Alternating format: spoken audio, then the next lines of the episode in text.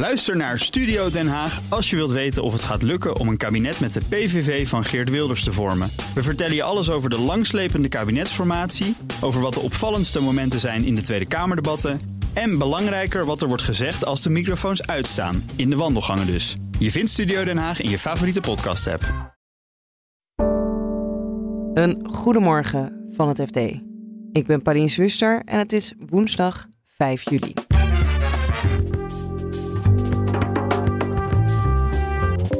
Nieuwbouwprojecten worden vaker al gebouwd, terwijl nog lang niet alle woningen zijn verkocht. Ontwikkelaars beginnen toe te geven dat ze al beginnen te bouwen als ze ja, pas de helft hebben verkocht. Of zelfs maar 20 procent. De concurrentie is losgebarsten in streamingland. Nieuwkomer Kik koopt talent weg bij Twitch. Is dat een contract ter waarde van zo'n 100 miljoen voor twee jaar? Dat uh, zit een beetje in de orde van grootte wat Messi krijgt bij uh, Inter Miami. En we hebben al de stikstofcrisis en er komt nu de volgende aan, de watercrisis. Telkens was het economische belang toch belangrijker dan de kwaliteit van de natuur. Dit is de dagkoers van het FD. We beginnen bij de woningbouw, waar ontwikkelaars steeds meer risico nemen. Vastgoedredacteur Nelleke Trappenburg vertelt dat ze nu eerder beginnen met het bouwen van nieuwbouwprojecten. Normaal gesproken beginnen ze te bouwen als ze ongeveer 70% verkocht hebben. Ja, dat is dan een soort aanvaardbaar risico. Eh, je hoeft niet alles verkocht te hebben, maar bij 70% begint normaal de, de bouw. En is dat dan een soort ongeschreven regel van die ontwikkelaars? Of? Ja, dat is wel uh, ook gewoon uh, de norm in de sector. Maar ook de, bijvoorbeeld de afbouwverzekeraars, woningborg en SWK hanteren dat als regel. Ook banken hanteren dat als regel. Dus het is ook gewoon wel een eis. Toch nemen ze nu opeens het risico om met minder percentage verkocht ook te gaan bouwen. Ja, dat horen we nu uh, toch in de markt. Ontwikkelaars beginnen toe te geven dat ze al beginnen te bouwen als ze ja, pas de helft hebben verkocht. Of zelfs maar 20 procent. En als dat een onaanvaardbaar risico was, waarom nemen ze dat risico nu dan opeens wel?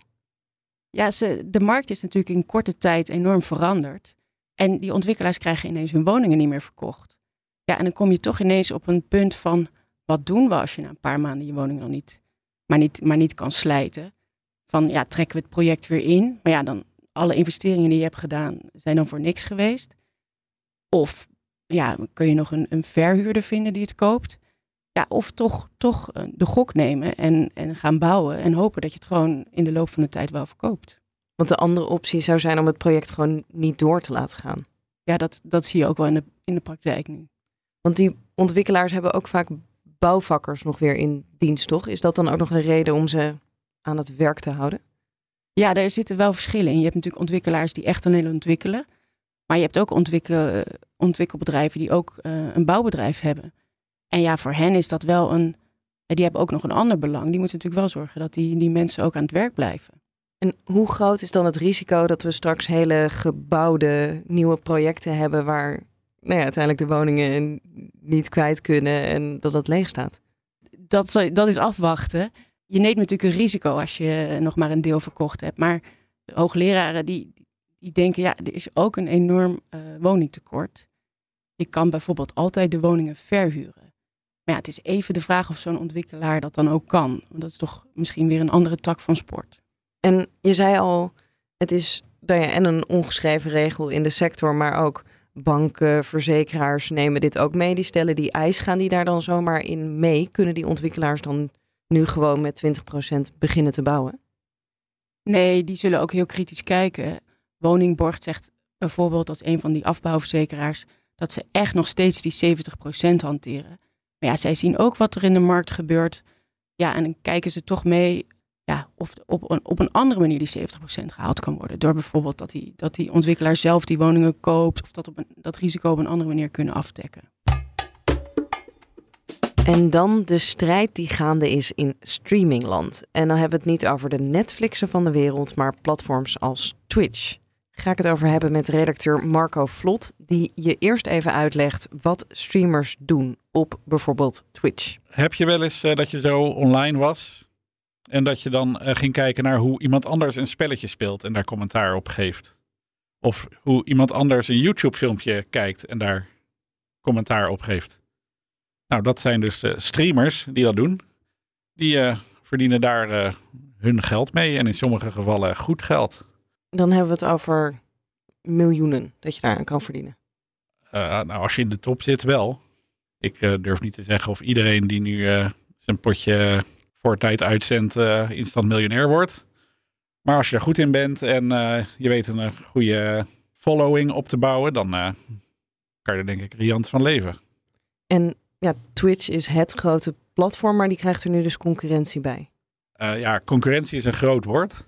Twitch had in juni 1,6 miljard uren dat mensen ernaar keken. En Kik was dat iets meer dan 63 miljoen uur. Dus dat is nog wel een factor 25 verschil.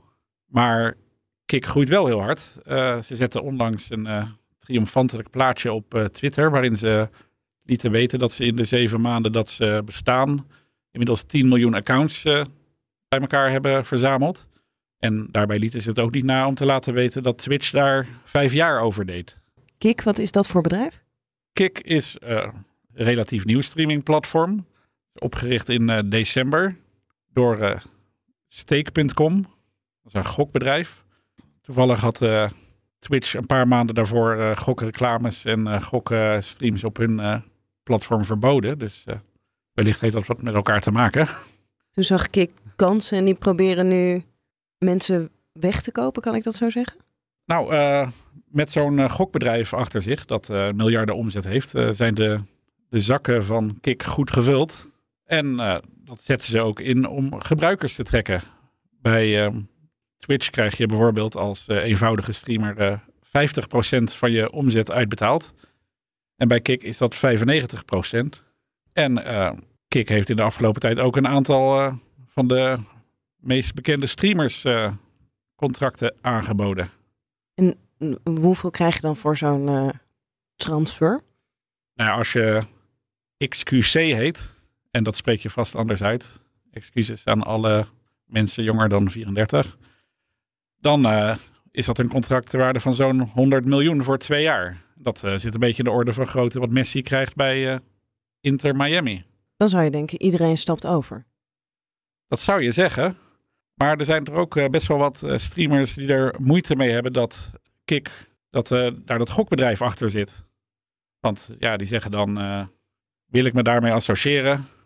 Want als het ware ben je dan toch gokbedrijven aan het promoten. En op het platform van Kik worden ook streamers die gokachtige zaken doen prominent in beeld gebracht.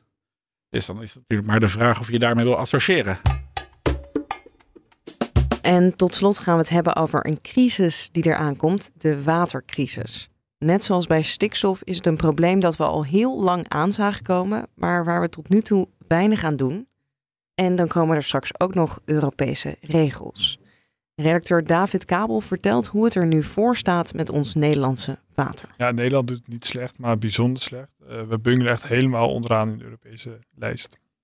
En betekent dat dan ook dat het water dat ik uit de kraan krijg ook heel slecht is? Nee, want we hebben hele goede waterbedrijven in Nederland die super geavanceerde technologieën moeten inzetten om het water schoon te krijgen. En daar slagen ze er wel in. Ja, maar dat is dus wel echt met de jaren heen is dat steeds lastiger geworden om het goed te krijgen. Ja, vroeger konden ze gewoon nog een simpele zandveld inzetten en nu hebben ze uh, apparaten nodig van tientallen miljoenen euro's. En als je zegt wij doen het echt bijzonder slecht in vergelijking, hoe komt dat dan? Ja, uh, bedrijven lozen heel veel afvalstoffen in het water. Ook uh, meststoffen en pesticiden van de landbouw komen erin terecht. En natuurlijk ook gewoon de vervuiling van de huishoudens zelf, onze medicijnresten. Daarbij moet wel gezegd worden dat uh, helemaal eh, onderaan de, de, stroom zitten van heel veel rivieren. Dus alle vervuiling van Frankrijk en Duitsland komt ook bij ons in de water terecht. Ja, het is niet dat wij per se extreem vervuilende bedrijven hebben, maar wij zitten gewoon op het eind. Ja, ja. Dan komen er ook Europese regels aan voor de waterkwaliteit. Wanneer komen die?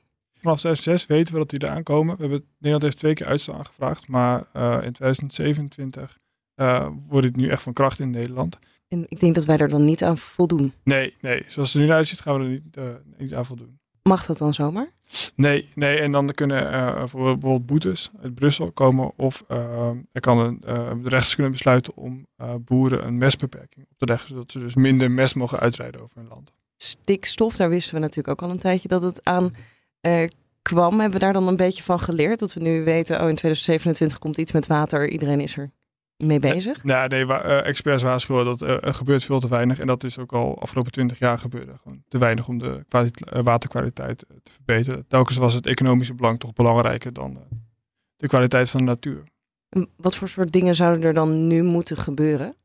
Minder lozen, maar dat is gewoon heel ingewikkeld. voor de overheid is het heel moeilijk om de lozingen van bedrijven te controleren. Want eigenlijk als een bedrijf zegt van is het stof A in mijn lozing, water, dan moet de overheid dat gewoon geloven. Want ze kunnen wel geloven, eh, controleren of er inderdaad stof A in zit. Maar al die andere stoffen, dat zouden ze actief moeten gaan controleren. En dat is in de praktijk gewoon heel onrealistisch. Ja, dus we weten nu eigenlijk al dat we in 2027 een heel groot probleem gaan hebben. Ja, ze ziet er wel naar uit.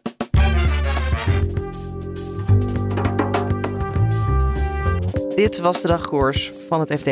Wil je de volgende aflevering niet missen? Abonneer je dan op ons in je favoriete podcast-app. Dan krijg je morgenochtend automatisch de nieuwe aflevering binnen. En als je op de hoogte wil blijven van het laatste financieel-economisch nieuws, dan kan dat natuurlijk op fd.nl of in de FD-app. Nog een hele fijne dag en graag tot morgen.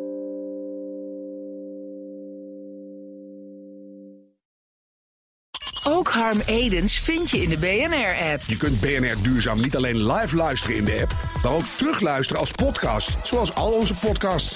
En naast dat de BNR-app Breaking News meldt, houden we je ook op de hoogte van het laatste zakelijke nieuws. Download nu de gratis BNR-app en blijf scherp.